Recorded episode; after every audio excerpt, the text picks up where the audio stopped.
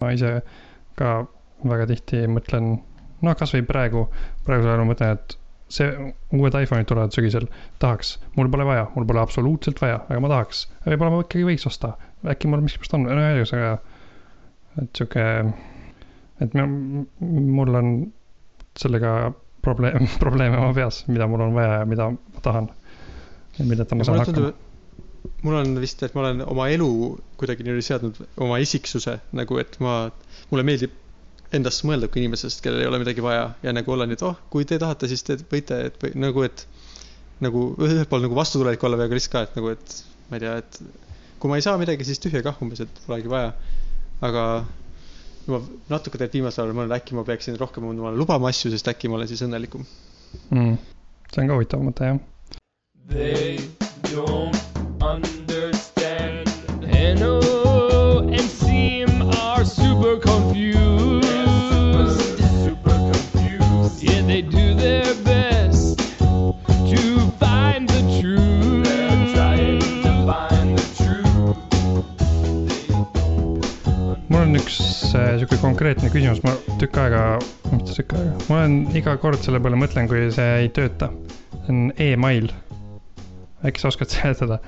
et see on, mulle tundub, et see on nii nagu absurdselt keeruline, kui ma tahan, kui mul on mitu emaili ja mul on emaili klient. nagu ma ei tea, kas paljud inimesed teevad nii, aga mul on emaili programm, kus mul on emaili account'id mm. -hmm. ja seal on, keeruline on see, et seal on mingi incoming server, outgoing server, siis igast erinevad login'id, board'id. ja tüütu on see, et kui ma lähen, ma lähen näiteks Tallinnast Londonisse, tulen sulle külla mm. -hmm. See ei tööta enam, email ei tööta ja ma pean hakkama nagu seal katsetama, et aa, kas see port nüüd, kas nüüd, kui ma lähen, panen selle serveri, kas see töötab. ja noh, see on üks asi, teine asi on see, et mul tööl, kus mul on lauaarvutid on kogu aeg paigal, mul on sama, sama internetipakkuja, kõik on sama. Ja kord aastas läheb seal ka kõik sassi ja siis ma pean hakkama proovima, et okei okay,, kas outgoing serveris, kui ma login sisse selle nimega, vajutan mingit nuppu, siis läheb tükk aega aega, et aru saada, kas nüüd töötab, saadan mingeid testi email'e, siis nagu töötab, siis tulen homme tagasi, jälle ei tööta. ühesõnaga ma lihtsalt, võib-olla see on teiste jaoks igav, aga mulle tundub, et kas te, kas ta on kuidagi seotud sellega, et emaili protokoll on kaheksakümnendatest pärit või on, või ongi vaja, et see oleks nii keeruline, ei, et ei saa lihtsalt nii, et ma kirjutan sisse äh, oma emaili ja parooli ja siis kõik nagu, nagu töötaks iseenesest. ühesõnaga, miks, miks nii palju mingeid servereid ja outgoing ja incoming kõik erinevad, erinevad on ja need, miks nad katki lähevad kogu aeg? ma arvan, et sinu see kõhutunne, et kas on kaheksakümnendateks seotud, on äh, täiesti õige. see, sest email on äh, võib-olla üks vane, vanemaid siukseid internetiteenuseid ja nagu osad nendest asjadest, mida sa pead seal eraldi sisestama, on hiljem kõik juurde tulnud, aga see on nagu samas sa kõige alumisem struktuur on nagu paika jäänud. sest esialgu vist, kui internet, see email tehti, siis emaili see põhiprotokoll äh, oli selleks, et serverid saaks omavahel emaili vahetada. ja, ja kellelgi vist oma nagu arvutist ei lugenud, vaid nad logisid mingisse suurde arvutisse sisse ja seal oli nende email, siis nagu sellist seda, seda osa, mis läheb veel sinu äh, äh, telefoni või arvutisse selle emaili tõmbab ja näitab, seda osa ei olnud nagu olemas ega vaja ja see on hiljem sinna juurde pandud mm,. okei okay., et ongi sihuke on..., tegime mingi süsteemi ja siis paneme sinna midagi juurde ja siis nüüd ta on sihuke nagu kunagi tehti. nojah, sest esialgu tehti lihtsalt süsteem, et kui on üks arvuti ja teine arvuti ja seal on mõlemas on kasutajad, siis kuidas, kui sa tahad ühest arvutist teise emaili saata, kuidas siis üks arvuti teisega ühendust võtab ja talle mm selle emaili edasi annab mm. sest et sa loed lihtsalt nii, et sa logid sinna sisse oma äh, terminali ja kirjutad sisse mingi emaili programmi nime ja ta näitab sulle seal, sest et see email on sinna sinu arvutisse juba see programm on mm -hmm. selle kirjutanud sinu arvutis sinna kataloogi, kus sa tead, et sa pead emaili lugema. ja okay. siis olnud seda sihukest fancy't front-end'i üldse vaja, aga siis hiljem vist, ma ei tea, millal need täpselt tulid, aga see dial-up'i ajal oli POP3 nimeline protokoll, mis oli selleks, et kuidas tõmmata sealt serverist emaili oma arvutisse. ja, ja siis kunagi ja siis, aga siis oli see tüütu, et kogu see email oli seal nagu igas kohas, kus seda lugesid, pidid seda sinna kogu aeg tõmbama ja seda süngis hoidma. ja nüüd on emapi nimeline protokoll, mis loeb seda emaili otseselt serverist aga nad on jah, nagu lihtsalt siuksed äh, lisandid sinna. ja teine asi on, mis nagu teeb seda, et setting uid on keeruline stabiilsena hoida, on ma arvan, seotud sellega, et spämm on probleemiks, et miks sa ei saa saata lihtsalt emaili niisama lihtsalt on sellepärast, et äh, nagu emaili vastuvõtvad serverid peavad muretsema, et äh, keda nad usaldavad ja keda nad ei usalda ja kui sa tuled Eestist Londonisse, siis võib-olla su Eesti emaili vastuvõtmise server vaatab väga kahtlane värk, et mulle Londonist mingit meili saadetakse mm.. Äh, miks sul tööl kord aastas asja läheb, seda ma ei tea, seda nagu ei peaks juhtuma, aga, aga lihtsalt võib-olla kogu see keerukus kokku äh, põhjustab seda, et mõnikord keegi ajab lihtsalt muidu ka veel midagi sassi tagatipuks. okei okay., no kas, küsin sult kui eksperdilt, kas on oodata, et kunagi emaili protokoll tuleb uue versioon, tuleb uus versioon emaili protokollist ja asjad on lihtsamad ma ei ole kuulnud sellisest, et keegi mm. sellega, et see oleks mingi asi, mis on tulemas. Äh, praegu niikuinii enam, jällegi on nagu veebi email ka teemaks, meil on nüüd võib-olla nagu mobiiltelefonide popu-, kus nad on populaarsed ja loevad emaili, võib-olla jälle on see kuidagi rohkem aktuaalsem, aga no vahepeal võib-olla kuidagi kõik inimesed oma emaili kas Gmailist või ma ei tea, muust internetikohast ja siis ei olnud nagu jällegi vaja otseselt sellist. Oli mingi sihuke periood. Ma olin ka kunagi sihuke inimene, aga nüüd mul on rohkem email'e. okei okay,, võib-olla see aitab emailist ma arvan, et teisi inimesi see huvitab vähem kui mind aga et... seda ma ütleks küll, et ma arvan, kui tänapäeval me teeksime, et kuule, teeme emaili, siis me teeksime siukse, kus on üks, kus ongi nii, nagu sa ütlesid, et sa kirjutad oma emaili sisse mm. ja paned parooli ja siis ta kuidagi uuriks välja ise, kuidas, mis porti täpselt on vaja või ma ei tea, mis krüptot kasutada, mitte sa ei peaks seda manuaalselt sisestama mingeid parameetreid no hullult palju. ühesõnaga jah, siis no, tavaliselt kui see läheb katki, siis ma mõtlen, et miks see on selline ma ei saa aru, miks see on nii tobe. aga üldiselt see töötab ja siis ei pea vist selle mõtlema, las see, las olla siis see antiikne protokoll. Kas sul on, ma kuulsin, et sul on mingeid uudiseid Vahukommi eksperimendi kohta? jaa, on küll, ma panin siia märkmetesse ka, et äh, sa mingis osas, ma ei tea, äkki sa esimeses osas mainisid seda vist, tahtejõu osas. see oli ikkagi esimene ei, see oli ikka teine, harjumuste osa. jah, kui Tuugiga seoses ja. jah, et see oli, seal oli juttu sellest vahukommi eksperimendist, mida sa kirjeldasid. Võib-olla sa võtad korraks veel kokku, mis see vahukommi eksperiment oli, kui keegi ei lugenud, ei kuulanud. no jah, see eksperiment oli siis selline, et äh, kõigepealt ma üritan olla professionaalne ja öelda ikkagi, kes selle tegi, mingi M-tähega tüüp äkki, ma. Stanford Marshmallow Experiment, ütleb Google Walter Mischel. aa ah, jah, Walter Mischel. ühesõnaga vahukomma eksperiment oli selline, kus eh, siis lastele pandi ette üks vahukomm ja öeldi, ühele lapsele korraga siis, pandi, laps tuli laua taha, istus maha, pandi talle ette vahukomm ja öeldi, kui sa seda vahukommi ei söö, kui sa, sa võid selle vahukommi ära süüa, aga kui sa seda kohe ära ei söö ja ootad viisteist minutit vist oli see aeg, siis sa saad kaks vahukommi. ja siis sellest vist järeldati seda, et need inimesed, kes suutsid oodata viisteist minutit, ehk siis kellel oli piisavalt äh, nagu tahtejõudu mm -hmm. Tagasi hoida, et need on elus olid edukamad vist oli, oli vist niimoodi jah? Äh, mulle tundub küll, et nii, et siukse, siukeseid asju mm -hmm. leiti hiljem. seda vist esialgu selle eksperimendi käigus ei oodatud otseselt, et ta seda näitab, aga vist mm -hmm. hiljem, kui analüüsiti neid inimesi, siis leiti kuidagi. ja, aga siin viim-, viimasel ajal, millal see oli, umbes suve alguses hakkas siin levima sihuke, sihuke jutt, et, et äh, vist üldiselt praegu üritatakse ka igasuguseid neid eksperimente nagu korrata, et vaadata mm, -hmm. mis värk on. ja siis äh, väidetavalt see nagu ei ole seotud omavahel, kas, et see laps, kes suutis oodata, et see on elus edukam, pigem oli see, et, et mingit tüüp, mingist perest pärit lapsed Äh, et neil oli juba see, neil see tahtejõud juba olemas ja nad nagunii oleks, nagunii olid edukamad, ühesõnaga see, see ei olnud omavahel seotud, vaid see on, kust keegi pärit oli või noh, mis perest keegi pärit oli ja mis kasvatusest, mis, mis kasvatus seal peres oli. mitte otseselt see, et vaatame, kas ta suudab oodata ja siis saame sellest järeldada, et ta suudab, ta on edukam. et need, need ei ole otseselt nagu otseses ühenduses, vaid pigem on see, et, et eh, kuidas see laps oli kasvatatud anyway ja siis sellest olenes, kas ta on edukas või mitte ja see, kas ta suutis oodata, on lihtsalt nagu kõrvalteema.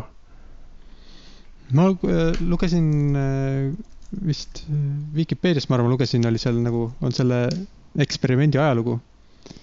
ja seal mulle tundub, räägiti veel ka muudest asjadest, nagu näiteks, et, et oluline aspekt on selles, et kas lapsed võivad täiskasvanuid usaldada. ja üks nagu üks tõlgendus oli see, et kuuekümnendatel või millal seda eksperimenti tehti alguses, äh, ma ei teagi, millal see esialgne eksperiment oli, aga no igatahes seitsmekümnendatel, kuuekümnendatel, seitsmekümnendatel, et siis olid nagu kitsamad ajad ja lapsed, äh, ma ei tea, võib-olla nad ei usaldanud, et vanemad neile veel ühe, ühe vahu, vahukommi annavad. aga tänapäeval nad, lapsed võivad täiskasvanuid rohkem sellistes asjades usaldada ja siis äh, sellepärast ootavad kauem. sest see on ka vist üks tulemus, et, et mida aeg edasi läheb, seda väiksemaks on see erinevus muutunud nende laste vahel, kes ootavad ja kes ei oota. nii selles osas, et kui kaua nad jaksavad oodata, kui ka selles osas, et kui paljud neist jaksavad selle terve aja ära oodata. et äh, aga noh, ma ei tea, kas see tähendab, et inimesed on edukamaks elus läinud, võib-olla. ja vist, et see sõltub väga palju ka sellest, kus seda teha, et kui Ameerikas teha see eksperiment, siis äh, on ühed tulemused, aga kui kuskil teha Äh, ma ei tea, kuskil Aafrikas või, või no ütleme, kuskil maailmas, kus on palju rohkem lapsi perekonnas, kus neil on suurem konkurents omavahel, äh, seal on teistsugused tulemused ja see, ja see noh, et tõlgendada, et kogu see erinevus tuleb tahtejõust, on nagu vale, et seal on nii usalduse küsimused kui ka konkurentsi küsimused ja ka küsimus näiteks, kas äh, vahukomm üldse ka on midagi väga erilist tänapäeva lastele. võib-olla ta oli kuuekümnendatel oli eriti eriline, aga tänapäeval võib-olla lapsed saavad iga õhtu nii palju vahukomme, kui nad tahavad seda ka jah, et see, jah, see, see usalduse küsimus on ka huvitav, see usalduse teema, et, et jah, sa vist põhimõtteliselt ka kirjeldad seda, et, et eh, oluline pole mitte see lihtsalt see tahtejõud, vaid jah, see, kust ta on pärit, milline on kultuur ja milline on kasvatus, on ju mm.. see, ma ei välistaks, et tahteelulise komponenti ei ole, see tundub nagu usutav ikka, et võib-olla ta natukene kuidagi millegagi seotud, aga. seda küll jah, aga see tahtejõud ise vist on tuleneb vist sellest, kuidas see laps on kasvatatud üldiselt -hmm,. jah, jah. -hmm. aga si-, aga huvitav, kas siis, kui sul on, kui sa oled kasvatatud nii, et sul on tugev tahtejõud, kas see nagu vahukommi katse siis üldse seda mõõdab või mitte, isegi see vist ei ole selge, et seal on nii nagu teised komponendid ka ja äh, jah teised niisugused psühholoogia eksperimendid, sa oled ka vist seda kuulnud, et äh, see Stanford Prison eksperiment on ka nüüd täiesti äh, kahtluse alla seotud. jah, selle kohta ma lugesin ka, et seal vist oli, noh, mulle tundub kõige suurem asi oli vist see, et et on jäänud mulje, nagu need vangivalvurid läksid veits nagu hulluks. aga Aha. tegelikult vist läks ainult üks natuke nagu hulluks ja tegelikult ta läks hulluks sellepärast, et tal oli igav ja talle tundus, et ta peab nendele teadlastele midagi, mingit, midagi huvitavat pakkuma ja ta hakkas näitlema nagu mingit karmi tüüpi, kes muuseas siis muutis ka oma kõne natukene äh, lõunapärasemaks ja tegi lõunapärast aktsenti. et mm vist see on üks suur asi, mis seal oli teistmoodi nii et sisuliselt, kas me, milliseid neid äh, imelikke eksperimente, mille kohta, mis, mille kohta oo ei oleks kunagi arvanud, et inimesed nii teevad, milliseid me nüüd üldse usaldada võime ja milliseid ei või? no üks, üks, üks tunt-, üks kolmas sihuke tuntuim äh, eksperiment vist, mida ei ole veel kuidagi ümber lükatud, on see, kus katsetati inimese kuulekust mm.. Mill-, milligrammi eksperiment. milligrammi eksperiment on see? jah, et et. Äh, mis eksperiment see oli, see oli, kas see oli see, kus äh, paluti anda elektrišokke ja yeah. siis katsealune ei teadnud, et need ei ole päris elektrišokid ja näitleja teeskles, et tal on väga-väga valus ja siis katsealune aina äh, need instrueeriti tõstma ja tõstma seda elektri, pinge, pinget, mida ta seal annab sellele näitlejale ja nad tegid seda, kuigi neil oli kahju natuke. jah, nad tegid seda, sest et teadlane teadlase ülikonnas või selles mantlis ütles, et see on väga oluline, et sa, et sa te, jätkad eksperimendiga. et ja isegi siis nad jät-, mõned jätkasid, kui see inimene teisel pool seina enam ei karjunud, ehk siis põhimõtteliselt nad, selle võrra, et on juba teadvuseta. ta pidi jah vist andma elektrišoki siis, kui see inimene seal teisel pool jättis valesti meelde mingi see, mingi hunniku sõnu mm.. ja siis see šokeeris inimkonda, sest et siis tundus, et kas inimesed on tõesti võima-, võimelised tegema mingi, midagi nii kohutavat, aga see, see ei ole ümber lükatud, aga ma kuulsin hiljuti selle kohta, et see, et seal katsetati nagu erinevaid asju. erinevate tingimustega, et näiteks kui teadlasel ei olnud seda mantlit seljas, seda mm -hmm. keep, seda mantlit, mis, mis see nimi ongi? ühesõnaga valget teadlase kitlit. kitlit jah, kitlit, mitte keepi. et siis äh, oli juba mitu protsenti vähem äh, inimesi olid läksid kaasa sellega. Ja siis teine asi oli see, et äh, see teadlane ütles nagu erinevat moodi, ütles, et tähendab, esimene variant oli vist, et näiteks, et äh, palun tee, palun jätka eksperimendiga, teine osa, et see on väga oluline, et sa jätkad, see on äh, selle eksperimendi jaoks väga oluline. Ja siis, ja siis üks variant oli see, et ta nagu käskis, ütles, et sul ei ole muud võimalust, sa pead seda tegema. Ja kui ta käskis, kui ta käskis, siis oli väga väike protsent inimesi äh, kuuletus. mm.. et siis oli neil mingi selline konkreetne asi, millele öelda ei, ma ei kuula sellist käsku. aga kui siis lihtsalt kuidagi vihjati, siis oli keerulisem otsustada. vist, et nagu muidu sulle tundus sellele inimesele, kes äh, käsku täitis või tähendab eksperimendis osales, tundus, et ta nagu teeb midagi kasulikku, ta osaleb eksperimendis, aga kui ta sai nagu käsu, siis talle tundus, et ei, et ma ei, ma ei pea tegema seda, ma ei, et siis see enam ei töötanud, siis ta nagu ei olnud enam, et et oo, ma osalen olulises eksperimendis, siis, siis tal pigem vist tuli plokk ette, et ta mingit käsku küll siin ei täida. ja seal, seal oli vist veel palju erinevaid mingeid tingimusi ja huvitav oli kuulata, et jah, et et päris nii, et, et noh, mingid väga spetsiifiliste tingimustega oli, et inimesed läksid kaasa sellega, aga noh, jahmatav ikkagi jah. et inimesed andsid šokki valus olevale inimesele. Aga sa ütlesid ka, et ei ole veel ümber lükatud, kas siis on oodata, et see lükatakse ka peatselt ümber? aa ei, seda mitte, mul lihtsalt tuli meelde, et see on ka üks popul-, see on üks, et on vist kolm niisugust populaarsemat eksperimenti vist, aga see, see on veel, sellega on veel kõik hästi. jess, vähemalt inimesed on Mm. ikka valmis kurjasid asju korda saatma. vähemalt sellega ei ole mingit probleemi. jah, sellega vist, see, see vist tuli siis, läks siis populaarseks pärast seda, kui natsid saatsid korda kohutavaid asju ja siis oli küsimus, et kuidas nii paljud inimesed saavad kuulata mingit inimest, kes ütleb tappa palju inimesi, ühesõnaga. kuidas nii paljud sõdurid eh, tegid nii palju kohutavaid asju ja siis tuli välja, et aa, kõik inimesed vist teevad, kui neile öelda. isegi vist mitte sõdurid, vaid ka tavainimesed nagu need, kes Jah., ma ei tea, oli see, ma ei tea, mis see kuulus näide on, kus oli see autojuht, kes, kes teadis, et kui inimesed sinna tema äh, kasti, kasti lähevad, et siis nad seal surevad ära, aga ta ütles, aga ma olin lihtsalt autojuht, et ma, ma, ma teadsin mm. Mhm. küll, et see juhtub, aga ma lihtsalt juhtisin autot, ma ei, nagu ei, see ei puutu minusse otseselt. mm -hmm. eksperimendi uudised siis olid sellised. aga me ei ole ikka ennast veel tervitanud, kas peaks seda ka siin vahelduseks tegema äh,? nagu mitte lõpus, vaid teeme keskel. jah, seekord keskel teha, Kes- tere, tere Siim. tere, kes, oot, kes sa üldse oled? mina, Henno, helistan siit äh, Tallinnast, Henno Luts Oh. siinpool, tere, Henno. Tere. kas, kas räägime filosoofiast ka? filosoofiast või? hea küll. hea küll, räägime mul oli siuke filosoofiast. küsimus, et kas kõik, mis ma teen, on siis mõttetu või ikka ei ole mõttetu? no ei ole ikka. aga kuidas ta siis ei ole mõttetu, kui äh, lõpuks niikuinii sellest midagi ei saa? kui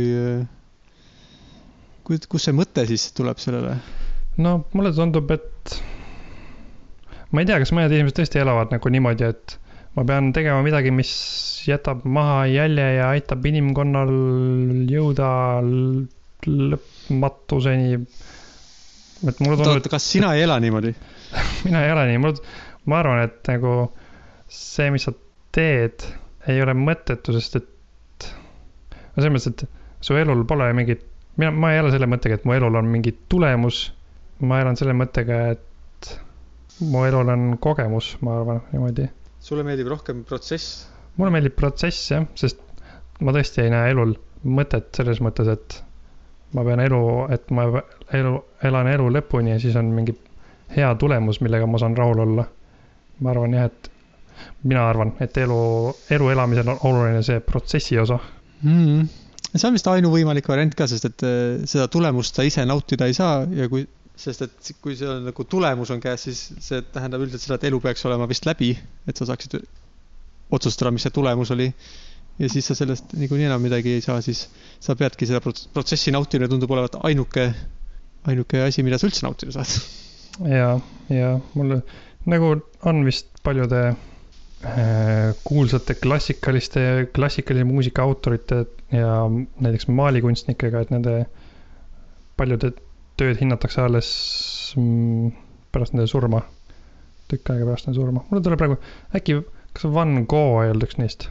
ma mäletan, ma nägin mingit sihukest Doctor Who klippi kuskil netis, kuidas Van, Van Gogh tuli, tuli minevikust tulevikku ja siis ta oli pisarateni liigutatud, et tema tööd on muuseumis ja inimestele meeldivad need hmm.. see tundub tavaline küll jah, et ikka avastatakse kunagi hiljem kedagi, ma ei tea, kas see on nagu reegel, aga vähemalt on ta niisugune nii tuntud klišee, et äh, väga haruldane ta ka olla ei saa.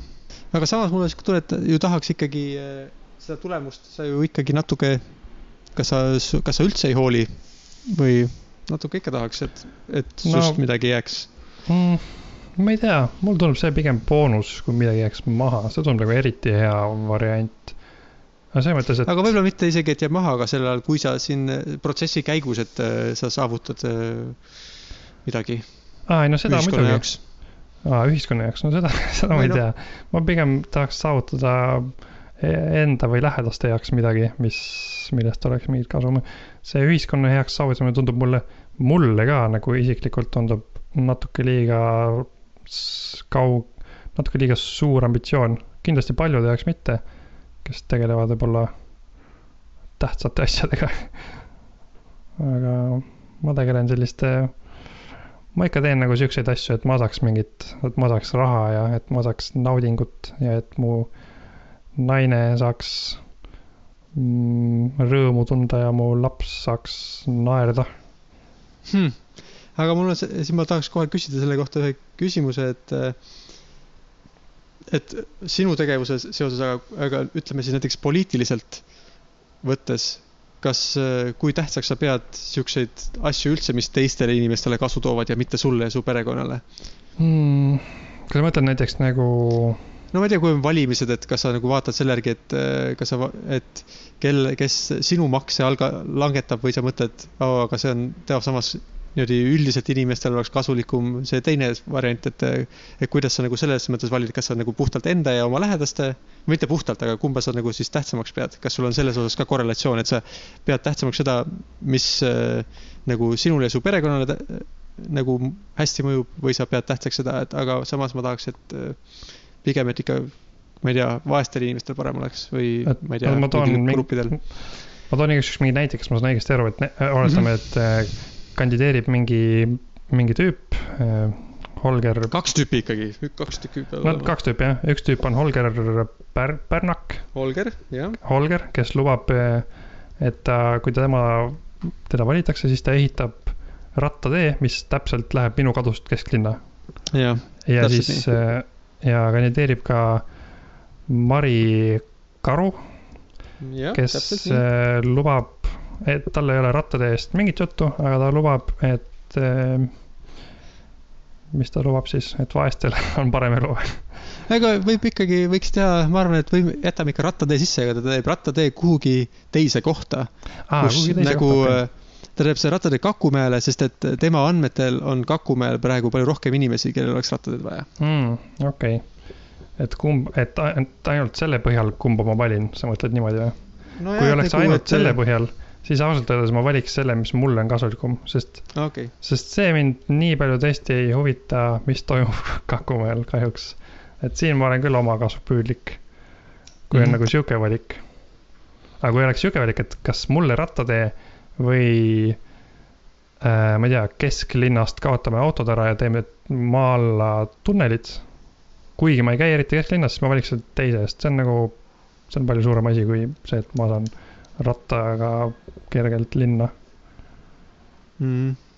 sest ma arvan, selles osas siis me oleme, ma ei tea, ma arvan, me oleme natuke erinevad, et kindlasti see on, kõik sõltub sellest, et mis täpselt kontekst ja küsimus on. aga mulle tundub, et minu nagu es, esmane küsimus äh, sellistel hetkedel on, et, et mis nagu on nii-öelda äh, keskmisele inimesele kasulikum või mis on nagu see õigem ja õiglasem valik, mitte see, mis on mulle kasulikum mm.. isegi ma arvan, või, või võib-olla isegi, muidugi ma ei tea, võib-olla see sihuke rattatee on piisavalt nii isiklik asi, et ma valiks ka samamoodi nagu sina. aga mulle tundub, et lihtsalt äh, võib-olla see lähtepositsioon on natukene siis, äh, meil tuleb erinevalt poolt mm,. see rattatee on võib-olla selles mõttes natuke halb näide, et kui need Kakumäe tüübid ei saa rattateed, siis nad nagu ei ole midagi kaotanud. ja kui mm -hmm. mina Mhm. saan rattateed, siis ma lihtsalt võidan midagi. aga kui oleks valida, kas mingid, kas üldiselt nagu noh, kasvõi rääkida vaestest inimestest, et vaesed inimesed jäävad vaesusesse või nad saavad natuke parema elu, siis ma kahtlemata ei tahaks rattateed vaeste inimeste äh, aitamise arvelt nagu. võib-olla jah, et ma ei taha kellegi arvelt saada rattateed. mm.. Kakumäe näite puhul ma arvan, ma lihtsalt, vähemalt ma olen täiesti kindel, et ma aktsepteeriks äh, Mari Karu seda argumenti, et, et Kakumäel on rohkem inimesi, kellel on vaja, kui ta nagu, kui tal on selle kohta mingisuguse noh, ta on loe, lugenud üle või et, et seal, et, et seal on kaks tuhat inimest, samas kui seda teist, sinu rattateed kasutaks ainult, ma ei tea, sada inimest, siis ma ütleks, okei okay,, no ma saan aru. Ja kui tal noh, muidu ma, et ma ei paneks teda nagu, ma ei loeks seda nagu Mari vastaseks punktiks mm. -hmm. ma mõtlesin, okei okay,, see on, ta, sa oled õigesti otsustanud, Mari, ja, ja jätaks selle nagu siis kõrvale. Mhm. ja ma saan aru jah, et see, et äh, ma ikkagi tahaks endal rattateed, ei ole nagu väga õilis minust. mm. -hmm. aga samas mingi hetk sa pead hakkama otsustama ja nagu see, sa saad ainult enda protsessi nautida, kuidas su elu Nojah. on. nojah, tõsi. nojah, see on, siis on küsimus, et kas ma tahan, et ma saaks rattatee või saaks rattatee Võrus inimesed, kes mm. -hmm. tahaks seda tegelikult palju rohkem. et mulle tundub, et mida kaugemal see minust on, seda vähem see mind huvitab vist jah. mm.. ma arvan, praktiliselt on mul samamoodi, et ta ilmselt huvitab mind vähem, eriti kui reaalselt nagu siukse, ma arvan, kui oleks need kandidaadid ja nad teeksid siukseid, neil oleksid siuksed platvormid, siis ma hakkaks ka valima üsna peatselt tõenäoliselt seda, mis mind rohkem puudutab. Aga vähemalt kui küsida niimoodi, kui teoreetiliselt on siuke variant, siis ma tahaks öelda, et isegi kui see küsimus on, kas kuskil ma ei tea, Indoneesias tehakse rattateed, siis ma ütleksin jaa, see, kui seal on ikkagi rohkem vaja, siis teeme ikka sinna. ma tahaks nagu idealistlikult, ma tahaks niimoodi väita. mm.. saan aru, saan aru sust. kas sul on minust nüüd teine pilt, kas sa arvad must nüüd midagi teisiti? ei, ma arvan, tegelikult see, ma, selles mõttes, et ma, see näide oli tõenäoliselt sihuke, kus ta liiga palju on sellest midagi pilti välja lugeda. see Mm. võib-olla lihtsalt näitlikustab mingit erinevust, millest rääkida. ma ei ole, mu arvamus sinust ei ole muutunud okei okay,, väga hea. selle näite põhjal. kas me nüüd teamegi, mis on elu mõte ja siis on nüüd on nagu enam-vähem tehtud? ma just mõtlesin, et see, jõudsime elu mõttest selle rattatee valikuni on ju. ma ei saagi aru, kuidas me siia jõudsime. Me vist alustasime sellest, kas elu on mõttetu ja siis leidsime, et me teame, mis on elu mõte ja järelikult ei ole mõttetu Mm. ja see oli päris okay. hea tulemus iseenesest, siukse kümne minutiga või viie minutiga. Mm. sa oled ka siis see protsessi tüüp jah? või tähendab, kas sa tahad mingit äh, äh, pärandit maha jätta, mis aitab tuleviku inimesi või sul on sellest suva? ma vist ei hooli sellest pärandi aspektist, aga ma tahaksin, mul on kindlasti sihuke nagu, kui mul oleks võimalus midagi teha, mis teeb nagu mõjutab inimesi ja on neile kasulik, siis ma oleks nagu väga õnnelik, kui ma saaks seda teha, see oleks nagu, ma oleks hullult ele-, elevil selle võimaluse üle. aga ma usun, et sina oleks ka elevil, kui sa saaksid aidata paljusid inimesi. ja ikka oleks jah, me ei ole erinevad tegelikult selles osas. jah. tegelikult võib-olla üldse, et võrrelda siukseid asju peaks, peaks vaatama nagu, et millest sa oled umbes valmis loobuma selle nimel, et kellegi teise jaoks midagi teha, mitte nagu mitte lihtsalt, et kes peab saama, vaid nagu leida see koht, et kui palju sa oled valmis ohverdama oma heaolu teiste nimel. Mm -hmm. aga seda on kuidagi keeruline. ma arvan, et seda me siin praegu ei tee. jah, muidu selle mingi pärandi jätmise või kuidagi ühi-, inimkonna aitamisega on vist ju tegelikult see asi ka, et oletame, et sa töötadki kuskil teadlasena, kes tegeleb mingi asjaga, mis on väga oluline. aga, aga need asjad vist üldiselt on nii, et eh, võib-olla mitu generatsiooni inimesi tegelevad mingi asjaga ja alles siis tuleb niimoodi vaikselt mingisugune asi, mis aitab inimkonda. et ma, ma ei tea, kas, kui sa oled üks nendest tuhandetest inimestest seal ketis, et kas see üldse kuidagi sulle nagu pakub mingisugust äh, rahulolu, kui sa oled üks väike lüli seal ketis ja siis, sest sa ei saa ise arugi vist, et sa võib-olla midagi konkreetselt aitad. kui sa oled üks väike Hmm. sipelgas seal. eks sa ju seda ikka saad aru, et võib-olla see on näiteks, et miks ma tegelen selle asjaga ja sa mõtled, noh põhimõtteliselt ma tean, et pikapeale, kui me kõik tegeleme, siis on sellel mingi hea tulemus ja see on nagu sihuke ikka sihuke väike positiivne noot. seda küll, et sul on see motivatsioon, on ju. no et eks ka ma arvan, meie igapäevaste töödega, me ka see kõik lõpuks ju aitab äh, teistel inimestel midagi teha paremini ja isegi sellest ma saan natuke nagu, kuigi ma nagu otseselt ei päästa maailma, aga ma tean, et see noh, teeb mõnele inimestele elu lihtsamaks või toredamaks, äh, mis ma teen kuidagi kaudselt, siis see on nagu ikka natuke hea tunne. nojah. meil olid selle teema juures tegelikult siin kirjas ka igasuguseid muid sõnu, mis kuidagi ei ole seotud elu mõttega. Nad, ma ei suuda, ma ei suuda leida sihukest äh, väike trikki, kuidas hakata rääkima vabast tahtest ja saatusest. aga need olid meil mm. selle teema sisse muidu kirjutatud. ja need on, tundub, et see teema on üsna sihuke mitmeosaline mm. -hmm. et seni me oleme siis rääkinud elu mõttest. kas sul on üldse võimalik äh, teha midagi, et oma elu paremaks teha või see, või see on kõik ette määratud, Henno? kas sa juba. kas sa räägid, kas sa räägid sellest, et kas ma usun saatusesse? no, kas sa usud sellesse või kas ta on olemas äh...? no mulle endale tundub saatus nagu tundub sihuke jura sihuke saatus, saatus nägi ette, et ma komistan ja löön oma varba ära ja satun sinna EMO punkti ja näen seda inimest, kellega ma nüüd olen terve elu koos, et mulle tundub. niimoodi et... kohtusid, niimoodi juhtus ei juhtunud, tegelikult juhtus teistmoodi. aga kas sa kujutad siin ette Hollywood. saatust Hollywoodis? jah. see on, aga kas sa kujutad saatust ette siukse, siis see on siuke nagu raamat või nagu siuke nagu mingisugune. mulle tundub jah nagu. kus on kirjas täpselt Henno läks Hollywoodi jah, mulle see see sõna saatus natuke jätab siukse religioosse mulje, mis mis minu käest ei kliki ja jah, siukse mingisuguse raamatu mulje, kuhu on kirjutatud kal-, ilusas mhm. kalligraafias midagi, aga kui rääkida nüüd selle nagu teise nurga alt, mis mind, mulle tundub realistlikum, mis on see, et äh, kõik inimesed on tegelikult nagu masinad mm, -hmm. millel on input ja output, siis see on nagu noh, põhimõtteliselt see on ka nagu saatus justkui, et justkui midagi ei saa tegelikult muuta, sest et me oleme masinad, meil on input ja output mm, -hmm. tuleb üks hunnik nagu asju sisse ja selle pärast me otsustame nii ja nii ja nii ja siis me teeme nii. et see tundub et... mulle selles mõttes realistlik, aga see on lihtsalt, asi on vist selles, et me oleme hoomamatult keerulised masinad. et see, kuna, kuna ma, ma ei oska seda, kuidas öelda, ma ei oska seletada, kuidas ma töötan kuna ma olen nii keeruline, siis mulle tundub, et ma võin teha ükskõik, mida ma tahan ja ükskõik, mida öelda. aga tegelikult, tegelikult ju peaks olema, kui realistlikult mõelda, siis vist ei ole nagu.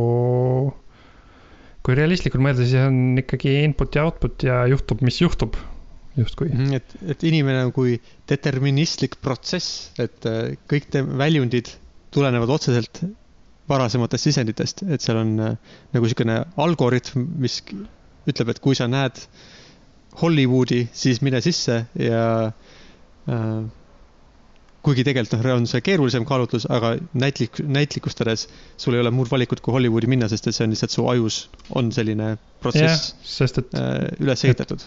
jah, et on küll input ja output, aga on nagu miljoneid või miljardeid input'i, input'e, mille põhjal siis on tuleb sihuke otsus, et okei okay,, ma vist ikka lähen sinna Hollywoodi. no ma lähen.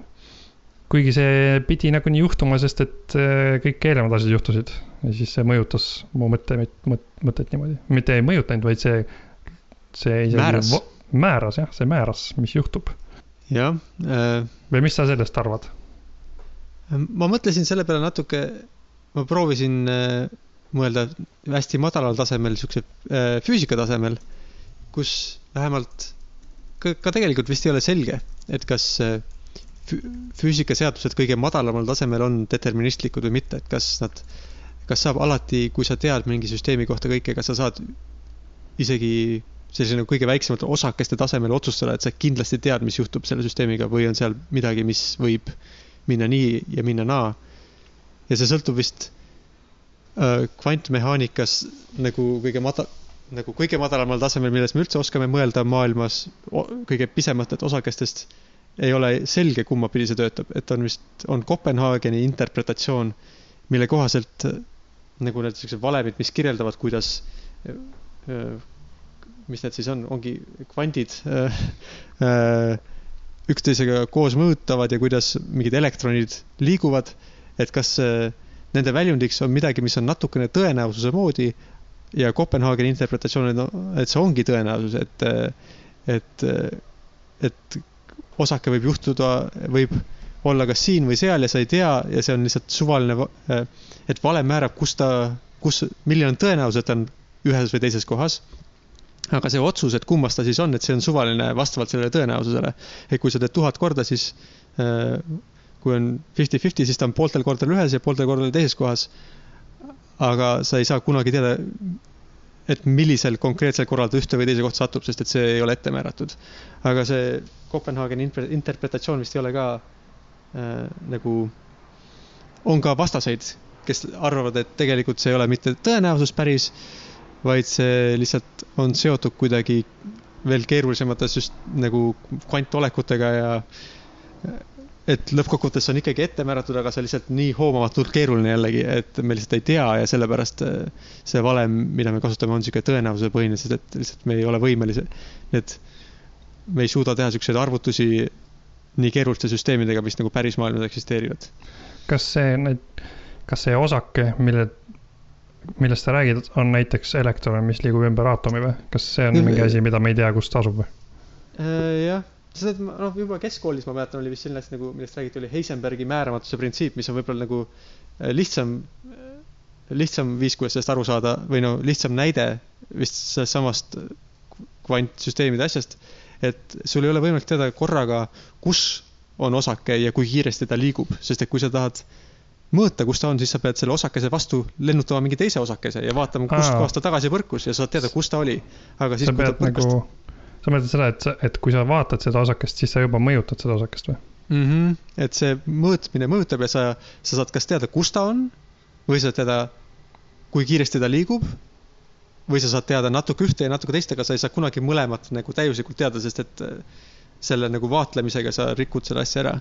see on ju huvitav, ma kunagi sain ka sellest ajast teada, et see lihtsalt millegi vaatamine ei ole äh,, kuidas öelda, see on, see on juba nagu destruktiivne, sa juba mõjutad sellega äh,. jah, sest et lõppkokkuvõttes, kui sa mõtled nagu reaalselt vaatamine, vaatamine nagu silmad, siis seal peab olema mingi footon, mis on põrganud millegi pealt tagasi. ja kui ta selle pealt tagasi põrkas, siis see tähendab, et ta mõjutas teda enne põrkamist. ja Tõsi. see foot-, footon tuleb sinu silma sealt kohast, kus ta põrkas, aga sa ei tea nagu peale põrkamist, kuhu ta läks või kui kiiresti täpselt. kuigi noh, reaalselt, reaalse maailma objektide puhul see meid eriti ei mõjuta, sest et nagu seal on nii palju osakesi ja see, kuidas mingit, noh, et see ei ole sihuke asi, millest me iga päev peame mõtlema. aga mingi aju tasemel ja kuidas, kas sa lähed Hollywoodi või mitte, kui seal on mingid siuksed neuronid, mis on juba päris väiksed, siuksed rakud ja neil on mingisugused sünapsid, mis on üksteisega ühendatud, siis seal võivad siuksed et otsustada, kas sa tahad minna Hollywoodi või mitte, selleks võib sul vaja olla küll teada seda nagu neid siukseid kvantarvutusi ka teha, mis võib-olla on fundamentaalsed, mittedeterministlikud. nii et mm võib-olla me oleme tegelikult ikkagi äh,, ei ole võimalik teada, mida äh, inimesed teevad või ei tee äh, nagu täiesti füüsikaliselt võimatu äkki, aga äkki mitte. jah, jah, jah, ühesõnaga jah, see, et äh, et iga, et tavaelus see ei mõjuta meid, et me vaatame ja mõjutame, aga mm. kui keegi üritab vaadata meile teadaolevalt kõige väiksemaid osakesi, siis see on päris äh, juba suur asi. no et see räägib midagi selle kohta, kuidas universum nagu fundamentaalselt töötab, kui juba universum mm. ise on etteennustamatu, siis tõenäoliselt oleme meie ka etteennustamatud, aga mm aga kui universum on etteennustatav, siis me võime olla, oleme vähemalt põhimõtteliselt etteennustatavad, see võib olla lihtsalt hoomamatult keeruline ettevõtmine. kindlasti sellega ma tahtsin, tahaks mainida ka vaba tahte küsimust sellega seoses, et kuidas siis, kas, no tihti seostatakse vähemalt sellega, et kui nagu, kui on täpselt ette määratud, mida ma teen ja siis mul endal ju ei olegi selle üle kontrolli ja siis ma võin teha, mis ma ise tahan, sellepärast et see on kõik juba ette määratud ja see ei ole, ma ei ole süüdi. mis sa sellest arvad mm.? et sa ei ole süü-, et põhimõtteliselt sa ei ole milleski süüdi, jah? nojah, sest et see oli ju sisendid-väljundid värk, noh. lihtsalt no, kuna ma nägin neid asju, ma pidin nii tegema, mul ei olnud muud võimalust. mulle tundub, et praegu, et praegu me ei saa selle teadmisega midagi teha. aga kui lõpuks me suudame simuleerida inimese aju nii, nagu ta päriselt töötab, siis mulle tundub, et me saame kõigest hoopis teistmoodi aru ja võib-olla siis kõik muutub. aga praegu ikkagi me ei saa aru, kuidas ikkagi see inimene töötab ja et üldiselt ikkagi vist praegu tehakse otsuseid see, selle põhjal, et igaüks võib teha, mida ta tahab, kui tal ei ole mingi diagnoositav haigus, on ju mm. -hmm. aga isegi ilma selleta mulle tundub tegelikult see on niisugune tobe asi, mida väita või noh, äh, siis peab natuke teistmoodi siis mõtle, mõtlema sellest, et miks me karistame kedagi millegipärast. Äh, see on siis põhimõtteliselt see, et äh, kui kõik inimesed tõesti töötavad nagu masinad ja neil on sisend ja väljund ja nad, nende tegevus on ette määratud, siis me tahame lihtsalt, kuigi see üks inimene oli ette määratud kuritegu sooritama ja poest Pringlesi krõpse varastama, siis me tahame talle selle eest karistuse määrata et teised inimesed saaksid sisendi, kus nad näevad, oi, ta pandi äh, vangi Pringlesi krõpsude varastamise pärast. Ja siis see sisend mõjutaks neid niimoodi, et nad, nemad tulevikus enam Pringlesi krõpse ei varasta. siis me, noh, sellest vaatevinklist tulenevalt me peame ikkagi inimesi äh, Pringlesi krõpsude varastamise pärast karistama äh,, kuigi nad ei ole selles süüdi, sest nad oli ette määratud, sest me lihtsalt tahame nende seda ette määratud, teiste inimeste ette määratud protsessi tulevikus mõjutada. Hmm nii et lõppkokkuvõttes mulle tundub, et sellel teemal, et kas see on ette määratud või mitte, ei ole mingit pistmist sellega, kuidas me peaksime igapäevaselt äh, suhtuma inimeste käitumisse. selles mõttes ei ole jah, et ma arvan, et mitte see. väga madalal tasemel, võib-olla sihukesel tasemel, noh, teisel tasemel võib-olla sellest, kõrgemal tasemel võib-olla sellest mingit äh, tolku. jah, ma, ma mõtlen seda, et, et kuna kõik asjad on ette määratud mm, -hmm. siis äh, see on ka ette määratud, kas me saame praegu sellest aru, et kõik on ette määratud või mitte mm. -hmm. tule, võib-olla tulevikus, kui on piisavalt palju input'e ja output'e läbi käinud kõikide inimeste ajudest, siis me saame sellest aru ja siis arvestame selle, seda. ühesõnaga, mis ma tahan öelda, on see, et mulle tundub, et me ei saa midagi teha praegu kui lihtsalt mõelda, et hmm, huvitav, input ja output. aga muidu seda, seda ma olen ka mõelnud, et natuke, mis läheb su, võib-olla selle viimase jutu algusega kokku. et, äh, et kõik nagu kurjategijad, kes näiteks pannakse vangi, et mul, mõnikord ma mõtlen, et võib-olla neil kõigil on nagu mingi vaimne probleem. Nad ei ole nagu süüdi, neil on mingi probleem ajus meie perspektiivi, no meie perspektiivi järgi et ma mõtlen seda, et noh, nagu sa ütlesid, et kas keegi on milleski süüdi, et mulle tundub, et, et see, see on ka vist hägune piir, et äh, millal kurjategija äh, tegi kurja asja ja millal tal nagu on see insanity defense või mis see on, no ühesõnaga, kui keegi diagnoositakse vaimuhaigeks, siis karistus on vist pigem nagu ravi, et ta läheb mm -hmm. nagu mhm. raviasutusse, on ju mul, ma veits nagu võiks ju arvata, et kõik kurjategijad vajavad ravi, mitte karistust. jah, see on üldsegi vist väga keeruline küsimus, et miks me üldse karistame inimesi kuritegude pärast. ja vist nii palju, kui ma aru saan, inimestel on sellest väga erinevad arvamused ja tavaliselt ei ole keegi nõus teistega, kõigil on oma sihuke perspektiiv. et kas see on sellepärast, et ta on nagu kui keegi teeb midagi halba, siis ta on ära teeninud, et talle tehakse halba vastu. kas see on sellepärast, et teised inimesed näeksid, et oi, et äh, nii saab karistatud, siis mina ei peaks nii tegema. või on sellel, ma ei tea, ma ei tea, mul pähe ei tulegi, ühtegi teist põhjust ei tule pähe, miks peaks keegi karistama. et on ikka kaks asja jah, nagu näidata, mis juhtub ja. või nagu sihuke, nagu tagasitegemine, kättemaks.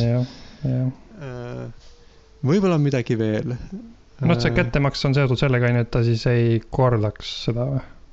ei no ma ei tea, see võib olla isegi täitsa nii, et nagu lihtsalt, et äh, sa tegid mulle halba, ma teen sulle ka halba, see ei ole nagu, et teda kuidagi mõjutada, sellel puudub eesmärk, välja arvatud see, et saada nagu tagasi tehtud. et mm. nagu äh, silma eest silm põhimõtteliselt, et äh, mitte, et tema enam sinu kolm, teist silma välja ei torkaks, vaid lihtsalt sellepärast, et sa torkasid minu silma välja, ma torkan sinu oma ka, sest nii on õiglane mm aga kui keegi vangi pannakse, siis ta pannakse ju põhimõtteliselt selle mõttega vangi, et, et see inimene nagu ei segaks meie ilusat elu ja ta oleks seal Aha. kinni. jah, see on kolmas variant, siis on juba kolmas on asi on, et eemaldada kurjategijad mittekurjategijatest, et nad ei saaks rohkem kurja teha mm. -hmm. on siis kättemaks ja ennet- või nagu sihuke ennetav aspekt ja eraldamine noh, see kät-, kättemaksu osa on vist see, et, et kui kauaks me sind eraldame, see on vist nagu see kättemaks, sest et noh, põhimõtteliselt võiks ju igaveseks eraldada või siis, või siis huk- hukata, see on ju loogiline, et ta hukkame siis ära, aga jah, see tundub jah, et see nagu veits on nagu see õppetunni andmine, et nagu päris hukata ei taha, et anname talle mingi õppetunni, kakskümmend aastat, vaatame, mis sa sellest arvad. ja siis noh, seal muidugi tekib ka see küsimus, et kas ta kahekümne aastaga võib-olla lihtsalt areneb teiseks inimeseks ja enam ei taha teha korja. Nüüd sa leidsid vist veel ühe variandi ja see on, neljas variant on siis vähemalt ümberkasvatamine, et võib-olla vanglas saab sellest kurjategijast normaalne inimene ja ta võib uuesti välja lasta. no see on vist see kõige eetilisem vist eesmärk äkki või, et, et vangla on nagu ümberkasvatamise koht. välja arvatud, et reaalselt ilmselgelt äh, vangla ei ole ümberkasvatamise koht, see ei ole, ilmselgelt ei ole eesmärk. sest kui see oleks eesmärk, siis me teeksime vanglaid hoopis teistmoodi. ja tõsi, ma olen, ma seda mõtlen väga tihti, et kuidas sada, saja või tuhande aasta pärast äh, inimesed vaatavad, et issand jumal, mida te tegite, te, mida te tegite nende inimestega, te panite nad sinna kaks korda kaks meetrit ruumi, eriti ma olen kuulanud jutte, kus äh, vangid pannakse sinna üksikkongi, mis ongi reaalselt Mm. kaks korda kaks meetrit ja nad on seal aastaid. see tundub Mm. mulle, see on, see tundub mulle suht hoomamatu. et kuidas see on üldse võimalik, et keegi saab niimoodi elada. üks saab. huvitav podcast oli sellest äh,, mul praegu kohe ei tule nimi meelde ma. tean ühte podcast'i nimega, oota, mul ka ei tule nimi meelde. aa, Ear Hustle, ma kuulen siukest podcast'i. Äh, vang-, seda ma mõtlesingi täpselt jah. jah, nad teevad nagu vanglas sees seda podcast'i, siis seal, seal räägivad oma elust. seal ma olen kuulnud küll ka ikkagi selliseid olukordi, kus keegi ongi nelikümmend aastat vangis ja siis, või kakskümmend aastat ja siis ta tõesti on, ongi nagu noh, see on päris pikk aeg, et siis ta ongi teistsugune inimene ja ta võiks arvata, et ta ei tapa enam kedagi narkootikumide pärast või sellepärast, et ta sai vihaseks kuigi ma arvan, et see on pigem vähe, aga ma arvan, et on selliseid vanglaid, kus õnnestub inimesi ümber kasvatada edukalt. mm. -hmm. aga nagu üldiselt filmides ja igal pool tundub, et vangides võib isegi inimene saada suuremaks kurjategijaks. jah, õpivad seal, kuidas äh, olla tõeline kurjategija. ja issand ja kui, kui pannakse vangi süütu inimene, siis temast tõenäoliselt saab seal kurjategija. sest ta peab elama koos kurjategijatega ja käituma nende reeglite järgi ja kui ta sealt välja tuleb, siis ta on hoopis teistsugune inimene. üks asi, mis ma veel natuke varem tahtsin mainida seoses sellega, et, et võib-olla on nagu kurjategija olemine on vaimuhaigus, tegelikult samas ka sõltuvalt su noh, näiteks on ka seaduseid, mis on ilmselgelt ebaõiglased, õiglased ja nende rikkumine on noh, et see ei ole vaimuhaigus neid rikkuda, sa teed seda sellepärast, et sa tunned, et nii on õigem, kui on Mhm. seadused. võtame needsamad varasema näite, kuidas Natsi-Saksamaal äh, inimesed väga halvasti käitusid. me ei heidaks neile ette, kui nad oleks neid seaduseid mitte täitnud. pigem mm., pigem neil, see oleks väljendanud seda, et nad on äh, tervemõistuslikud ja ei ole haiged. ja samas ka lihtsalt võib-olla näiteks, kui sa oled väga vaene inimene või sul on või sa oled nälgid ja sul ei ole midagi süüa ja sa varastad kuskilt omale midagi süüa, siis seda mulle tundub ka päris keeruline kellelegi ette heita, et ta rikkus seadust. jah, see on lihtsalt sihuke asi, et, et sa varastasid, saad on midagi süüa, nojah, nojah, aga me peame su vangi panema, nojah, okei okay., saad aru, kõik saavad aru, okei okay.. sihuke olukord, Mm. et me kahjuks meie ühiskond ei ole selline, kus on sind piisavalt saanud aidata, et sa ei peaks varastama. Mm -hmm. et see, et on ka teisi põhjuseid küllalt, miks inimene võib olla nagu mitte süüdi. jah, tõsi, üks, aga, aga jah, jätame siis pooleli, tundub, et see teema saab edasi minna veel, veel äh, mingis teises osas jah, see üld-, üldine teema, mis on elu, miks teha, miks, mis oligi, kas kõik, kas kõik, mis ma teen, on mõttetu või ei ole. Mhm. aga üks, mis ma tahtsin veel lõpus öelda, mul tuli hommikul mõte, et, et äkki, äkki kuulajad võiks meile näiteks kirjutada, millest nemad ei saa aru ja siis me võiks proovida enda jaoks selgeks teha selle, millest nad ei saa aru ja siis seletada neile selle ära. mis sa sellest Jah. arvad? sest me oleme väga, väga head mittearusaajad. Jaa, väga head. väga efektiivsed selles. Mm -hmm. ma ei tea, kas ma peaksin jooksma rongi peale. ma arvan, et sa võid proovida, mis me siin ikka räägime. hüva päeva jah, toredat päeva sulle, Henno ja kohtumiseni siis kahe nädala pärast